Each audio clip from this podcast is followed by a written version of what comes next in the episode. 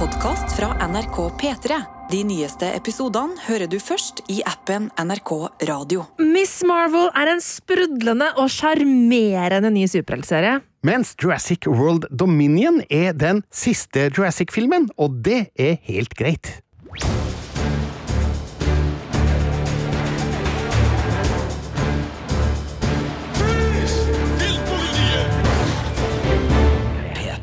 Her er Birger Vestmo, Marte Hedenstad. Og Sigurd Vik. og vi skal først til Miss Marvel. En ny serie som Ja, du har jo allerede avslørt hva du syns om den, Marte. Jeg eh, har altså kosa meg så mye med de to første episodene av Miss Marvel på Disney pluss. Really the brown girls from Jersey City who save the world. That's a fantasy too.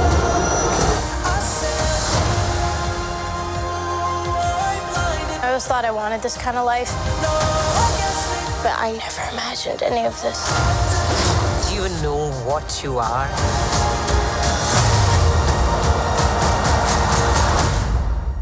I'm a superhero. Ja, Kan jeg bare stille et sånn basic spørsmål? Hvem er Miss Marvel, Marte? Miss Marvel er eh, en eh, Altså, det er da superheltnavnet til en tenåringsjente fra Jersey City i USA, Kamala Khan, som er sinnssykt stor fan av Captain Marvel. Eh, hun elsker egentlig alle Avengers-gjengen, men spesielt Captain Marvel. Eh, og hun eh, finner ut etter hvert at hun ender opp med noen superkrefter. Og dette her er jo da basert på en Marvel-tegneserie som starta i 2013. Og det er da altså eh, Marvels aller første muslimske superheltinne. Eh, og også Marvels første muslimske eh, hovedrolle for en tegneserie. Og eh, sånn for dem som liksom kjenner at ordet Marvel dukker opp eh, flere ganger nå, nå er vi da basert på en Marvel-tegneserie, og vi befinner oss da i Marvel Cinematic Universe, som er det her uh, storslåtte film-slash-serieuniverset, hvor vi nå er inne i fase fire, og det her er da den TV-serien som kommer etter WandaVision, The Falcon and the Winter Soldier, Loki, What If, Hawkeye og Moonnight. Ja. Men før She-Hulk, da, som kommer senere i sommer, og som du var inne på, bindes også da sammen med filmene, og eh, det er vel ikke for spoilete å si at eh, eh, hennes idol eh, er en relevant skikkelse også med tanke på eh, framtiden muligens da i MCU. eh, der eh, er det bekrefta ting og tang. Ja, altså, og, det, og det er jo gøy å spekulere i det også, for så vidt. Men eh, bortsett fra det, så tenker jeg at du kan faktisk se Miss Marvel uten å ha sett alt mulig rart av filmene og serien i MCU. Eh, sånn opplever jeg i hvert fall det etter å ha sett de to første episodene. Fordi dette her er jo en såkalt tilblivelseshistorie, som handler om hvordan Kamala Khan får superkrefter, og blir da etter hvert Miss Marvel. Hun, hun, altså hun er jo ikke Miss Marvel uh, right off the bat her. Uh, sånn at uh, jeg ser på det egentlig i større grad som en high school-serie, fordi det er virkelig det den på en måte bygger seg rundt. Dette tenåringslivet, hvordan det er å være annerledes på high school. Eh, Kamala Khan eh, er amerikansk-pakistansk med pakistanske foreldre, eh, noe hun på en måte syns er vanskelig på skolen. Hun har på en måte folk som mobber henne litt, eh, og hele den greia der, mens hun jo da er en supernerd som elsker alt med superhelter å gjøre. Hun er kjempegod til å tegne og er liksom sånn content creator på Det er vel ikke YouTube, men en fiktiv YouTube-kanal. MCUs uh, ikke-brand-registrerte eh, YouTube-aktige Hvor hun liksom lager masse kule videoer eh, om superhelter og alt mulig sånt. Eh, Og hun sliter med å passe inn da, i, i livet. Og eh, derfor drømmer hun jo også om eh, hvordan det hadde vært eh, å, å være superhelt. Eh, Og det får hun jo da eh, kjenne på eh, ganske kjapt eh, i allerede den første episoden. Men er det sånn at Miss Marvel er full av vink til kjente figurer og hendelser i MCU? Ja, det er den. Sånn det, er vel, at, det er vel den mest eh, sånn Fordi den handler jo om fandommen innad Ja. i universet, så, så det er vel den mest vinkete serien nesten eh, som vi har sett så Ja, langt. fordi hun er jo superfan. Altså, hun har eh, tegninger og plakater og ditt og datt fra Avengers-universet. Altså, dette her er jo ekte mennesker for henne. Disse superheltene er jo reelle mennesker for henne, som hun ser veldig opp til. Eh, og derfor er det jo veldig mange vink eh, til disse superheltene i serien også. Eh, men jeg tenker at du kan fint se denne her om du på en måte bare har lyst på en kul high school-serie også, fordi den fungerer vel så godt som det. Men du skal ikke avsløre, da, men kanskje noen av dem dukker opp i serien? Ja, det, det tror jeg Altså- er litt for tidlig å si. Det jeg kan si, da, for det var det jeg uh, antyda i stad. Altså, neste sommer så kommer det en uh, stor ny superheltfilm som heter The Marvels. Der skal både uh, Bree Larson som da Captain Marvel uh, og eh, Iman Velani som Miss Marvel dukke opp i filmen. Eh, det var det jeg antyda. Jeg skal Ja. ikke si noe mer om serien. Jeg har bare sett første episode. Og jeg har men- men- bare sett to episoder. Ja, men Ja. de er begge bekrefta til den kommende The Marvels-superheltfilmen, som skal ha premiere i juli 2023. Ja. Så, så vet folk hva som er uh, ikke-spoiler, og hva som eventuelt var litt spoilete, men, men sånn ble det nå. Men litt mer om uh, basic story her. Mm. Hva er utgangspunktet da i Miss Marvel? Utgangspunktet er at uh, den aller første Avenger-con skal eh, eh, Avholdes. Gå av stabelen. Arrangeres. altså, arrangeres. Den første messa uh, som hyller uh, Avengers-gjengen, skal arrangeres. Og dit har Kamala veldig veldig lyst til å dra sammen med sin bestevenn Bruno.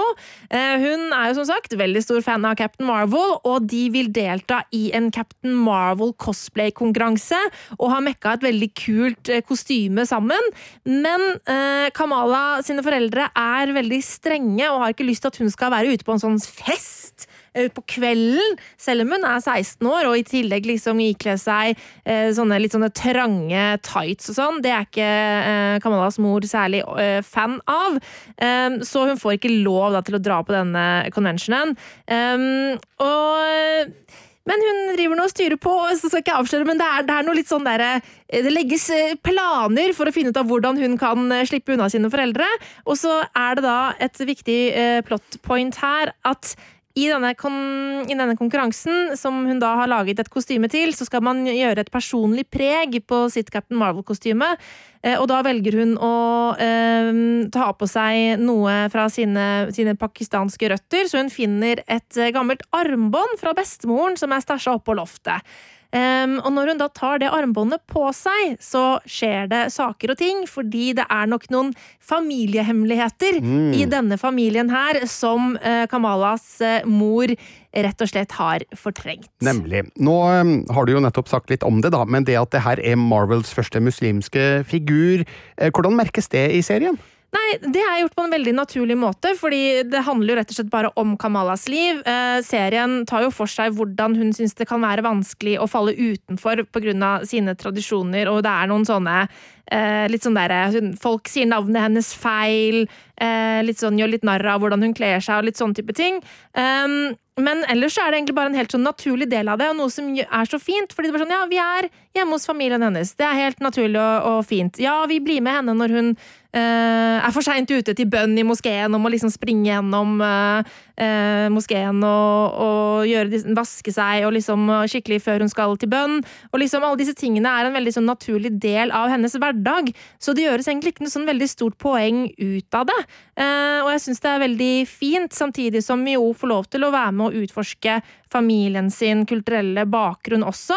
Eh, spesielt i episode to så er det noe vi kommer litt mer inn på når um, Kamala sin mor um, snakker litt om sin bestemor, hvor, man, hvor vi merker at det er noen såkalte hemmeligheter, som vi nevnte så vidt. Så, så er det på en måte en sånn da merker jeg at eh, måten de snakker om Pakistan på, der er det på en måte ting i historien som jeg eh, som eh, norsk person kanskje ikke kjenner så godt til, men de snakker om det som at det er en selvfølgelighet.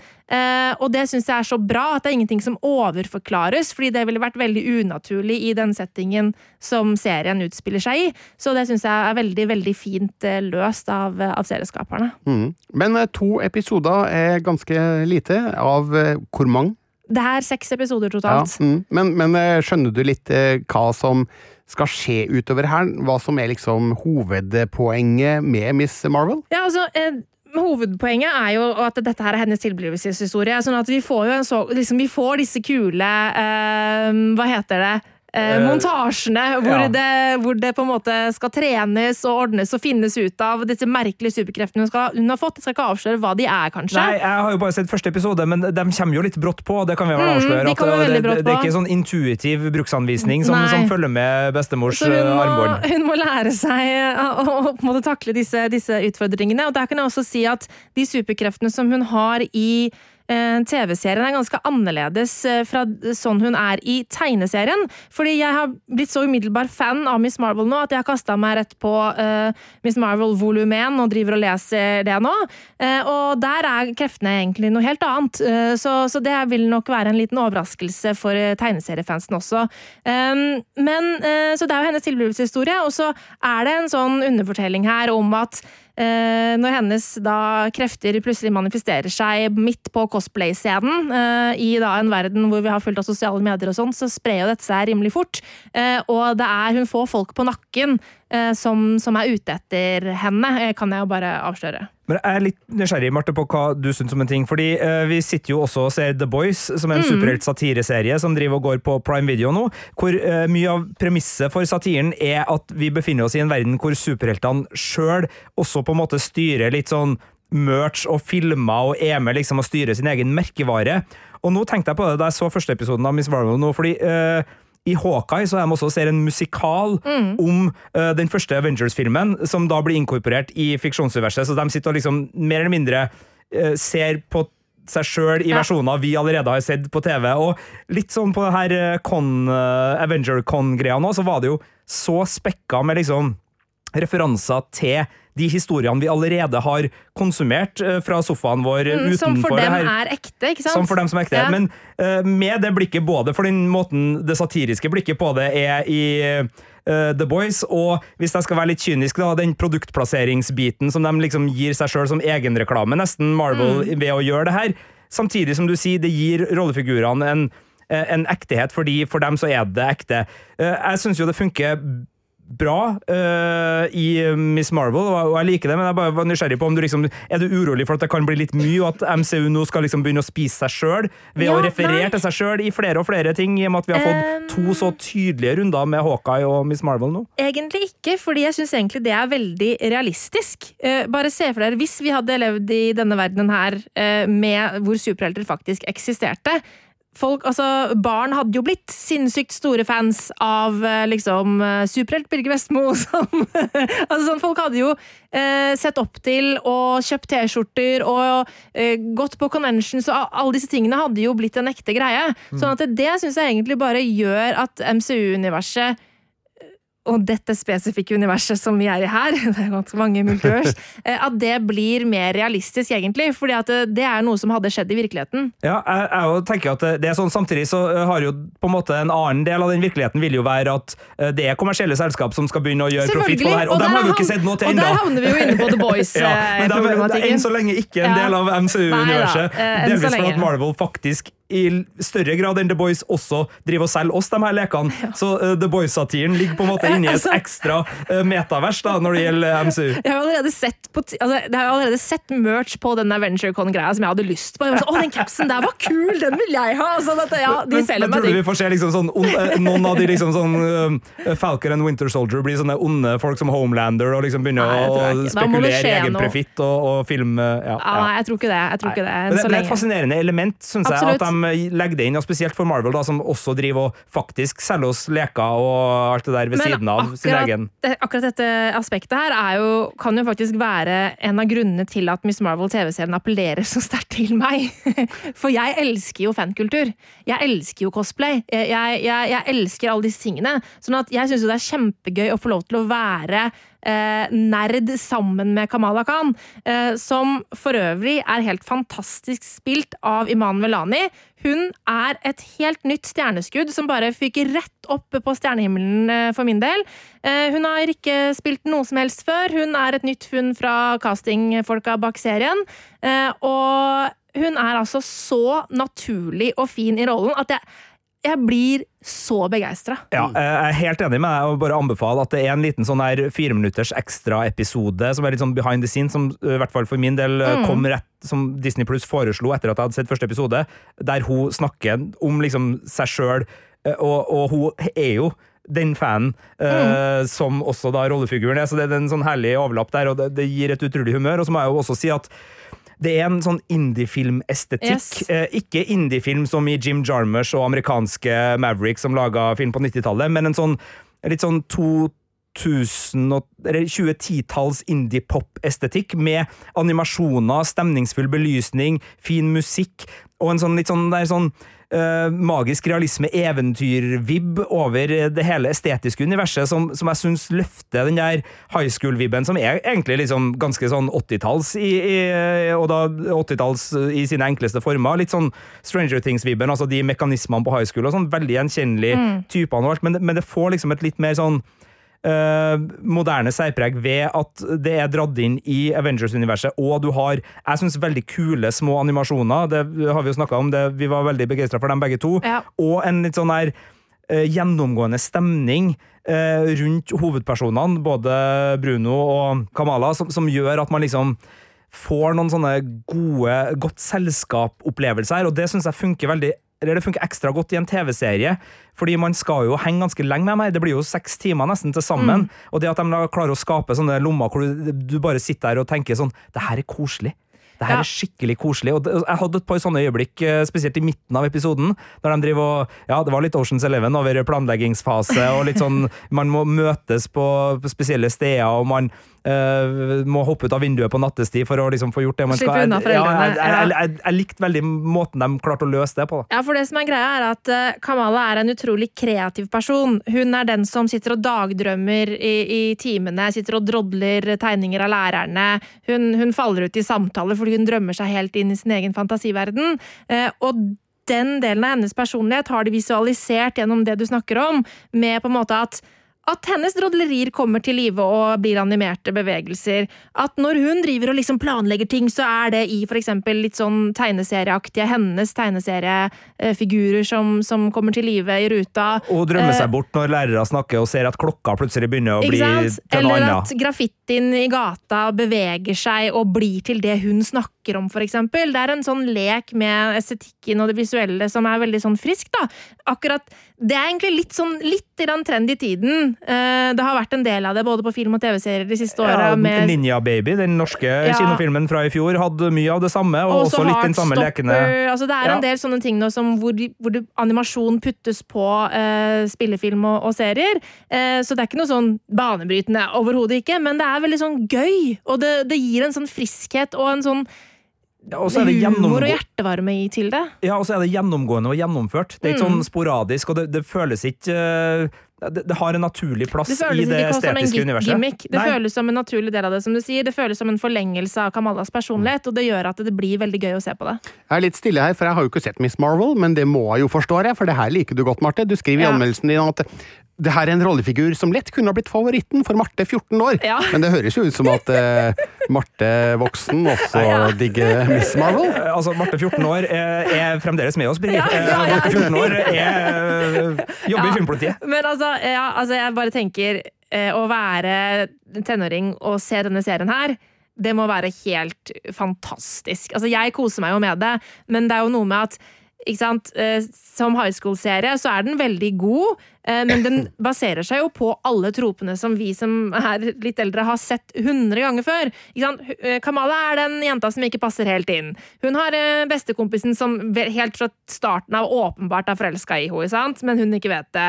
Du har de strenge foreldrene, du har den populære jenta på skolen som er litt bitchy. Eh, Du, har alle disse tingene. Eh, Du har han derre eh, sosiallæreren som eh, prøver å være så innmari kul. Altså, alle de her tingene har vi jo sett før. Men jeg syns jo ikke at det gjør noe, fordi det gjøres så godt. eh, Og rollefigurene er så fine og gode at jeg har så lyst til å være med dem. Sånn at dermed så blir det veldig bra. Men når, hvis, du, hvis du i tillegg liksom kanskje ikke har sett så mye av high school-serier eller film før, og så får du servert det her, eh, så, så må det jo være helt fantastisk, tenker jeg. Og, og den derre stjernefaktoren som Iman Melani har, Ja. eh, den sjarmen, Ja. og, og det er liksom både hvordan hun spiller med kroppen sin, altså med hele seg, hvordan hun er, altså er Hun er helt fantastisk. Jeg digger hun så mye, liksom. Når du beskriver Miss Marvel, så det, det minner meg litt om Miles Morales i Spiderman Into the Spider-Verse-filmen. En annen tenåring som får superkrefter i et allerede etablert superheltunivers. Er det sammenlignbart, det her? Ja, det Altså, vil jeg egentlig si. Jeg vil si Spiderman og Miss Marvel har veldig mange likhetstrekk, både i liksom eh, gru grunnoppbygging og liksom hvem de er og hvor de kommer fra, og, men, men også i måten Marvel eh, og Disney har eh, gitt litt sånn energi altså, Og Sony, da, eh, skal sies. Rett skal være rett. Eh, Her er det mange rettighetshavere. Men altså, de har litt av den samme Uh, tonen. Altså, det er humor uten at det blir komedie. Det er alvor uten at det blir uh, tungt og dramatisk. Men altså, de, de har funnet den der balansen, da.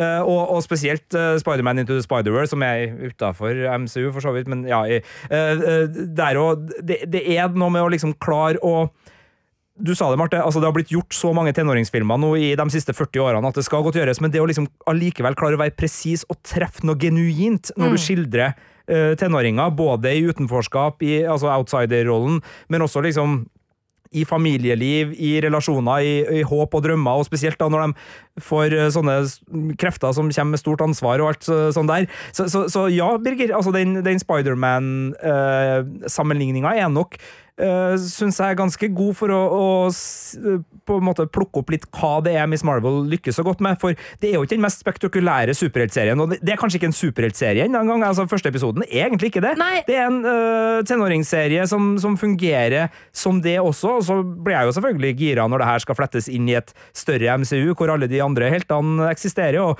jeg vil jo tro at den Connen var et slags frempek på hvem som eventuelt, om ikke dukker opp, i hvert fall blir Det ville være om. rart om Captain Marvel ikke dukker opp på et tidspunkt, Det tenker jeg. Øh, jeg- men, men det vet ikke jeg, altså. Men, Nei, jeg men det, jeg, jeg håper jo da at Ja. Øh, de har klart å liksom mm. funnet litt den der, men, men det er nok den der ja, litt den der Spiderman øh, en, en, en hovedperson som ikke har bedt om det, egentlig, selv om Miss Marvel har jo veldig Hun, lyst på det. altså, ja, men det er jo noe som jeg vet tegneserien utforsker i, til en viss grad, og som jeg ser for meg at kanskje kan skje her også. En ting er at når du har For hva skjer når du plutselig oppnår det du har drømt om? ikke sant? Kamala har drømt om superkrefter. Hun har drømt om å være en superhelt. Men øh, så får du den plutselig, og så er det kanskje ikke så lett som du tror. Altså, Hva gjør det med livet ditt? Uh, hva gjør det med deg som person? Uh, det er noe tegneserien tar inn over seg og utforsker, og så jeg regner med at det kanskje er noe vi kommer til å få se uh, tematikk på i TV-serien også. Det her kan man se på Disney pluss. Du har sett to av seks episoder, og um, du har gitt terningkast Fem til de to episodene. Og så for alt jeg vet, så kan det hende at historien utover blir dritkjedelig. Det vet jo ikke jeg noen ting om. Men eh, jeg tror at uansett hva som skjer med historien, så tror jeg jeg kommer til å trives i, i selskapet med Kamala Khan, for såpass eh, fint er det. Sigurd, terningkast fem til Miss Marvel. Er du enig eller uenig i det? Jeg sa jo før uh, podkasten her eh, at dere har gitt uh, de to tingene det skal handle om, henholdsvis da Miss Marvel og den nye Jurassic World-filmen, hver deres karakter, og jeg er uenig med én av dere. Jeg er ikke uenig med Marte. Så Birger, Da, du skal ta oss eh, videre. da- Der kan det komme ting. Da er døra der, Sigurd. Og så kan jeg og Marte snakke om Jurassic World Dominion. Genetic power has now been unleashed. We made a terrible mistake. The doomsday clock might be about out of time.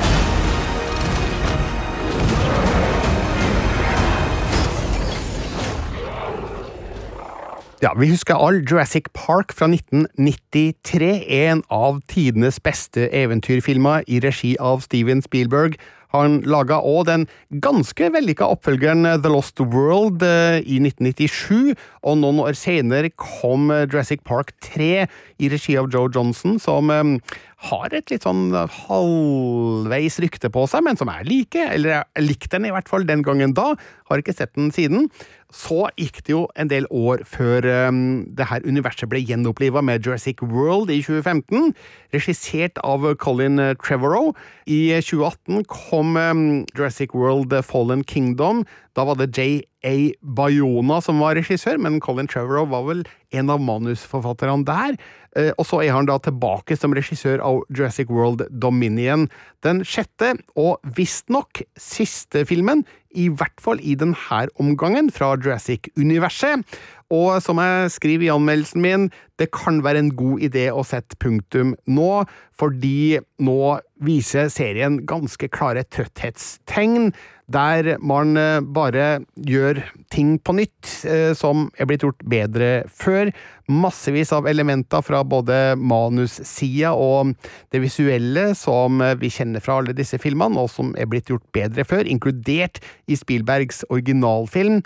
Så jeg gikk litt skuffa ut av den kinosalen, men betyr det da, Sigurd, at du ikke gjorde det, eller var du enda mer skuffa enn meg. Bare nysgjerrig på det, jeg nå. Ja, altså Du har jo skrevet en anmeldelse på p3.no filmpolitiet hvor terningkastet er tre, Ja. eh, og dommen er ganske hard. Altså, Du er ganske streng, og du peker på at nå er en film som eh, er liksom vel så mye inspirert av Mission Impossible og kanskje også James Bond-filmer, der den er en sånn globetrottende hopper rundt og har biljakta bare med dinosaurer Ja. eh, rundt omkring. Og jeg er helt enig med anmeldelsen din, jeg syns bare du er en terning for snill. For det her Ah. syns jeg var eh, altså, eh, skikkelig, skikkelig dårlig med tanke på de forutsetningene som ligger til grunn her, Ja. eh, og det de har endt opp med å gjøre. For det var ikke artig, det var ikke spennende, det var ikke skummelt. Det var litt koselig å se igjen de eldste skuespillerne, altså dem vi kjenner fra, kjenner fra Spielbergs eh, original. Mhm, ja. Eh, Chris Pratt eh, i cowboyuniform som driver og temmer eh, dinosaurer som om de er hester, og fremdeles står og liksom peker på dem for å få dem til å bli rolig. Eh, Funka greit første gangen, har ikke vært spesielt eh, godt eh, Nei, siden. nemlig. Og det er jo flere plotthold enn dinosaurer i denne filmen, og det er ikke fordi at det er få dinosaurer. Nei, nemlig. Jeg var litt redd for at du nå skulle si at ja, men det her er jo et mesterverk, Birger, og terningkast eh, seks, men det er det altså ikke. Men Jeg flirer mest av en oversettelsestabbe, og det tror jeg Ja, du har gjort. det, den, den skal vi komme tilbake til, tror jeg. Men, men eh, bare for å gi et overblikk da, over hvor vi er hen. I slutten av forrige film så ble jo dinosaurene sluppet løs uh, ute i verden. Uh, nå, i denne filmen, så lever de blant oss, og mm, det er en ny verdensorden som er i ferd med å etableres, uh, egentlig. Der vi må leve side om side med diverse dinosaurer av ulike arter og størrelser, ikke minst. da. Eh, og her er da Owen Grady spilt av Chris Pratt og Claire Deering spilt av Bryce Dallas Howard sentrale.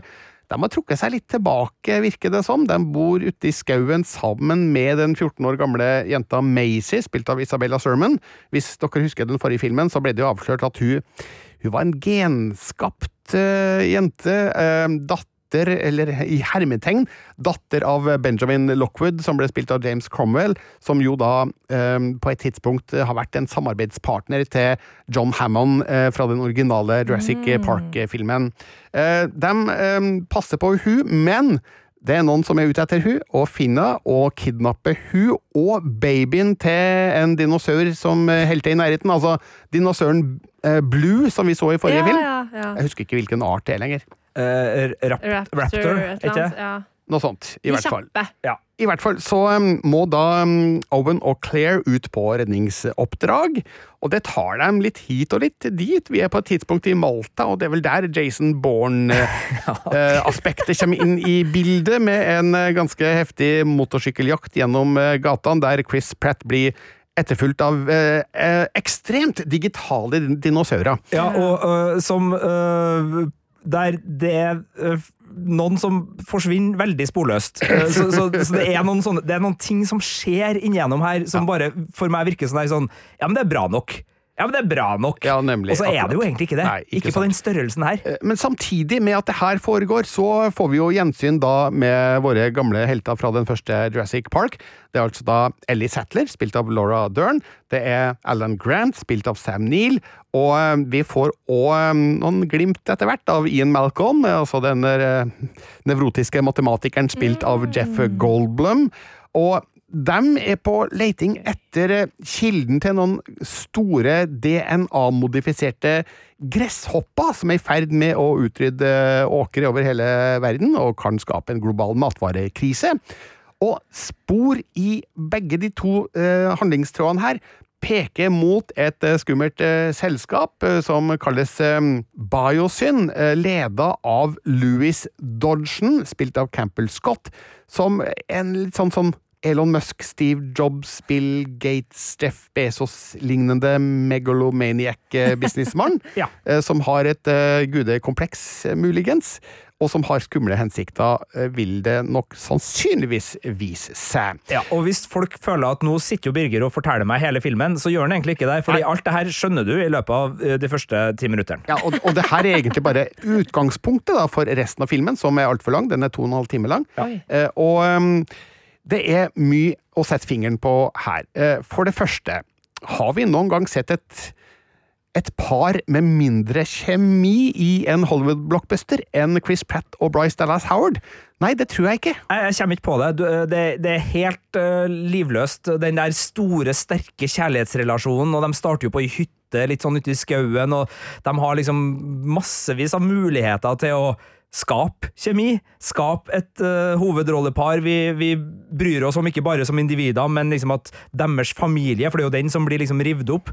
Men du har helt rett, Birger. Ja. Det, det er ikke noe der. Jeg, jeg husker jo ikke veldig godt de to foregående filmene nå, tydeligvis, men eh, jeg mente at det sto bedre til mellom dem før, så Jeg mener å huske at det, i den første filmen, da det kysset mellom dem kom for første gang Jeg tror det kommer helt på slutten der, eller noe sånt nå. Jeg, bare, jeg husker ikke helt når det var, men jeg husker at jeg tenkte bare nei! At jeg bare tenkte å herre, nei. For jeg, jeg syns selv, selv da at ikke det var noe god kjemi. Men uh, husker jeg riktig, Birger, om uh, filmen, og, og igjen, folkens, vi er veldig tidlig i filmen her, så, så ikke så mye spoiling, men det, det blir jo lansert, det forholdet, litt sånn stemoderlig, og det blir liksom bare sånn, ja, jeg tror de har noe greier, altså sånn, det, det var, altså, fi, jeg synes filmen la opp til at det nesten ikke skulle være noe der. Ja, det er men sant at det er en kommentar eh, i starten der som får ting til å se ut som at eh, det forholdet kanskje ikke er all verdens. Men Og, eh, og det var det jo ikke. Nei, det var det jo heller Men det har ikke. noen glemt å si fra til manusforfatterne om. Ja, for det blir jo ikke adressert eh, senere i filmen i det hele tatt. Så der eh, syns jeg at filmen er på ville veier, og samtidig er det jo det du allerede har vært inne på, Sigurd, denne temminga til Chris Pratt. Den er så utbrukt, og han skal stå der med disse hendene strekt ut og gjøre sånne eh, dempende slapp-av-bevegelser. Jeg vet ikke om dinosaurer egentlig vet hva det er for noe? Og det spinnes jo videre på det utover i filmen, og, og, og, og forsidebildet på din anmeldelse, igjen på p3.no skråstrek Ja, ja. viser jo uh, både Sam Neill, Isabella Sermon og Chris Pratt. Uh, Riktignok ikke altså Chris har fått seg et gevær, da, men de to andre nå står jo der og bare Nå skal vi ro helt Ned, ned. dinos for dinosaurene skjønner jo at det, det er det vi vil nå, når vi strekker ut hendene våre. Ja, ikke sant. Uh, men uh, ok, det har jo blitt et varemerke da fra de tidligere filmene, så skjønner jo at det må med, men må det med 48 ganger? Det er jeg litt eh, usikker på. Så er det jo hyggelig, jeg er en stor nostalgiker, så det at de gamle Jurassic Park-heltene kommer inn i bildet, det er hyggelig. Her får vi faktisk eh, en del eh, søte scener. Det er genuin gjensynsglede for min del. Det eneste er at det virker jo ikke som om filmen helt vet hva de skal gjøre med disse figurene utover i filmen, fordi de glir da inn i mengden. De eh, blander seg jo etter hvert med Jurassic World-heltene, og syns ikke at det fungerer så veldig bra. Det blir et litt for stort rollegalleri, der eh, hver og en får litt for lite tid til å utmerke seg, og jeg syns ikke at Colin Trevorrow greier å bruke de kvalitetene som Laura Dern, Sam Neill og Jeff Goldblum eh, hadde i Jurassic Park i eh, Jurassic World eh, Dominion. Det er synd, fordi her hadde man jo en veldig god sjanse til å knytte bånd mellom den siste filmen til den første, men så blir det en litt sånn flau forestilling av forspilte sjanser. Ja, og det her jeg skjønner hvorfor du er oppå treeren, fordi som en slags sånn Uh, avslutning på den originale trilogien, med de tre som du har nevnt, der er filmen på sitt beste. Der er det noe. Der, der er det kjemi. De, de vet i hvilket filmlandskap de spiller i, og de trives med de rollefigurene de har fått. Eh, Den øvrige gjengen er jeg litt usikker på om A. vet helt hvilket fiksjonsunivers de egentlig opererer i, og B. eh, Trives de på jobb i det hele tatt? Altså Chris Pratt, eh, maken til livløs rolletolkning. Men- Han, han, han ser ut som han kjeder seg skikkelig, skikkelig hardt. Kan ikke Chris Pratt bare ta en pause? Jeg er lei av Han kommer på TV, Amazon Prime-serien nå i sommer. Jeg synes han kan ta en eh, pause. Han er lei, Men, vi ja, er men, lei, men alle er lei. hvor har det blitt av Chris Pratt fra Parks and Rec, liksom. Hvor er den sprudlende figuren han spilte der? Nå virker det som at han har kjørt seg fast i et sånt actionheltspor som han kanskje egentlig ikke vil være i, og jeg vet ikke om det her mm, lover dårlig for den tredje Guardians of the Galaxy-filmen. Jeg håper virkelig ikke det. Ja, det håper ikke jeg heller. men det er jo der han er god, da. Når han ligger i, i spennet mellom komiker og, og actionskuespiller, eh, med glimt i øyet. Men det er tydelig at uh, noen regissører må klare å aktivere eh, noe med Chris Pratt hvis han skal fortsette å få de, de hovedrollene der i de litt mer seriøse actionfilmene, for den her er jo ikke så fjasete som Guardians of the Galaxy. Men det er jo fremdeles massevis av plass til glimt i øyet her. Men Chris Pratt får tydeligvis ikke, enten via instruksjon eller via seg sjøl, til det der glimt i øyet. Han blir en sånn litt sånn Kevin Costner-aktig uh, All American Hero-fyr, men han har jo ikke de kvalitetene. Kevin Costner Kevin er under, er jo- Ja, jo, altså, han, han, han har, i hvert fall i starten, som det er en, det er en westernfilm i starten der, egentlig, og da, da ligger han jo litt sånn opp mot eh, liksom Yellowstone-Kevin Costner, og den der Ru Ranch-eieren som kaster lasso og kan alt om naturen og alt det der, men det er jo liksom, blir bare en sånn antydning til noe, og så øh, plutselig så kjører han litt motorsykkel, og plutselig Og øh, jeg må spørre deg, Birger. Oppdraget og oppdragets elementer med tanke på hvem som gjør ta, hva til enhver tid, og hvem som må hoppe av der, og hvem som må gjøre ditt. Jeg fikk det ikke til å gå opp. Jeg. Altså, det, det går opp sånn plottmessig, men jeg bare sånn Hvorfor gjør dere det? Hvorfor gjør dere det? Hvorfor gjør dere det? Altså, Jeg ble bare sittende igjen og føle at filmen bare liksom tenkte sånn Nå må de to få litt øh, Nå må de ta et sideoppdrag, nå må de ta et sideoppdrag. Men det var jo ikke noe motivasjon, det var jo ikke noe ordentlig grunn til, til ting som skjedde, syns jeg. Det var liksom litt sånn eh. Nei, den sliter kanskje med å ha en fremdrift som virker naturlig, eh, og som gjør at alle involverte har en klar funksjon. Eh, Nå burde jeg hatt en rekke med eksempler på gang her, men det har jeg dessverre ikke. Det er allerede tre dager siden jeg så filmen når dette spilles inn, og jeg tror jeg har glemt mye, og det kan kanskje tyde på at eh, filmen ikke gjorde spesielt stort inntrykk på meg. Men nå skal vi også si at som popkornfilm så funker jo Jurassic World Dominion eh, forholdsvis greit i perioder, i hvert fall. Hvis man bare er ute etter eh, storslagen eh, effektunderholdning, så har filmen det. Men jeg reagerer jo på at effektene ikke fremstår mye, mye bedre enn Jurassic Park fra 1993. For det var en helt annen tid, med en helt annen teknologi, som Steven Spielberg greid å gjøre god ved hjelp av eh, kamerabruk og klipping, og mm, han maskerte den teknologiens begrensninger på en helt fantastisk måte. Eh, Og han kombinerte også da praktiske effekter med det de hadde til rådighet av digitale effekter på den tida. Det har de vel også gjort i Jurassic World-filmene, også i Dominion, men jeg syns ikke at det virker bedre og mer overbevisende. Faktisk så syns jeg at flere av de digitale dinosaureffektene her er om ikke dårlige, så i hvert fall lite overbevisende.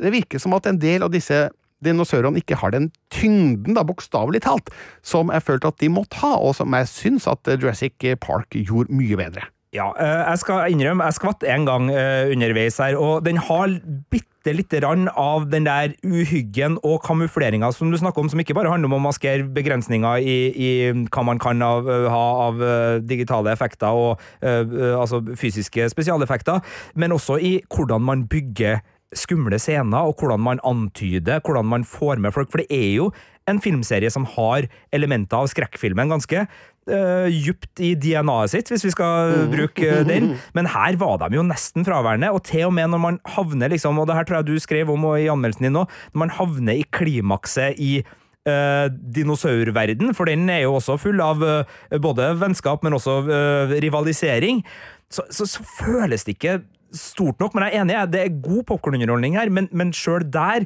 så ligger den et hakk under der den kanskje burde ha vært med tanke på størrelse og, og budsjett og Ja. muligheter, fordi den er god der, men den er ikke like god som, som originalen. Da har Nei, du rett i. Spenningsoppbygginga den er begravd i rav, eh, dessverre. Og ja, du snakker jo om en eh, scene som vi ikke skal avsløre her, men det er, det er- det er et klimaks som eh, dessverre er ribba for spenning, og det er synd. Og jeg vet ikke helt hva som har slått feil her, om det er manuset som er mangelfullt utvikla, eller om det er Colin Trevorrow som har litt mindre filmatisk teft enn vi kanskje hadde håpa på. Jeg likte jo hans første Jurassic World-film godt i 2015, men denne gangen så går han på tomgang, og det lir Jurassic World Dominion av.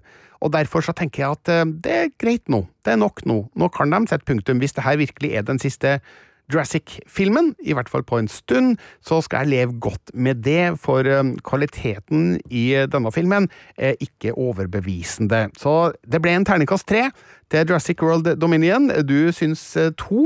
Ja, altså, jeg, jeg, jeg skal være ærlig. Altså, det er fasit, det du kommer med, og jeg skjønner hvorfor du, du er der, men jeg ble så skuffa eh, at jeg, eh, når jeg gikk ut derfra, så, så gikk jeg Vi gikk jo hver til vårt etter vi hadde vært og, og sett filmen, og passa på å ikke skravle sammen, sånn at vi skulle blø inn i hverandres oppfatning. Så, så, men jeg, gikk og bare irriterte meg over flere ting, og, og syns de skusla bort en så god mulighet da, når de samler gjengen også fra den originale trilogien. Altså, det er ikke noe ugunstig å ha mange gode skuespillere å velge mellom, men her klarer denne filmen å gjøre det til en svakhet og ikke en styrke, og det syns jeg var litt trist. Så det er mulig at jeg er mm. mer skuffa uh, enn uh, liksom uh, skarp i mitt filmkritikerblikk, for jeg vet jo at det er mange som har elska den her, og jeg ser jo på internasjonale anmeldelser at de svinger jo, det er jo ingen som er liksom på terningkast seks her, men det er jo flere som sier at ja, det her er en skikkelig sånn god sommerblockbuster som gir deg alt du vil ha av den type underholdning, og det, det har de nok rett i, og, jeg, så, så, du er nok godt balansert med den treeren sjøl om jeg håper det er en litt svak treer, Birger? Uh, ja, den er sånn på midten av tretallet, vil jeg si, da.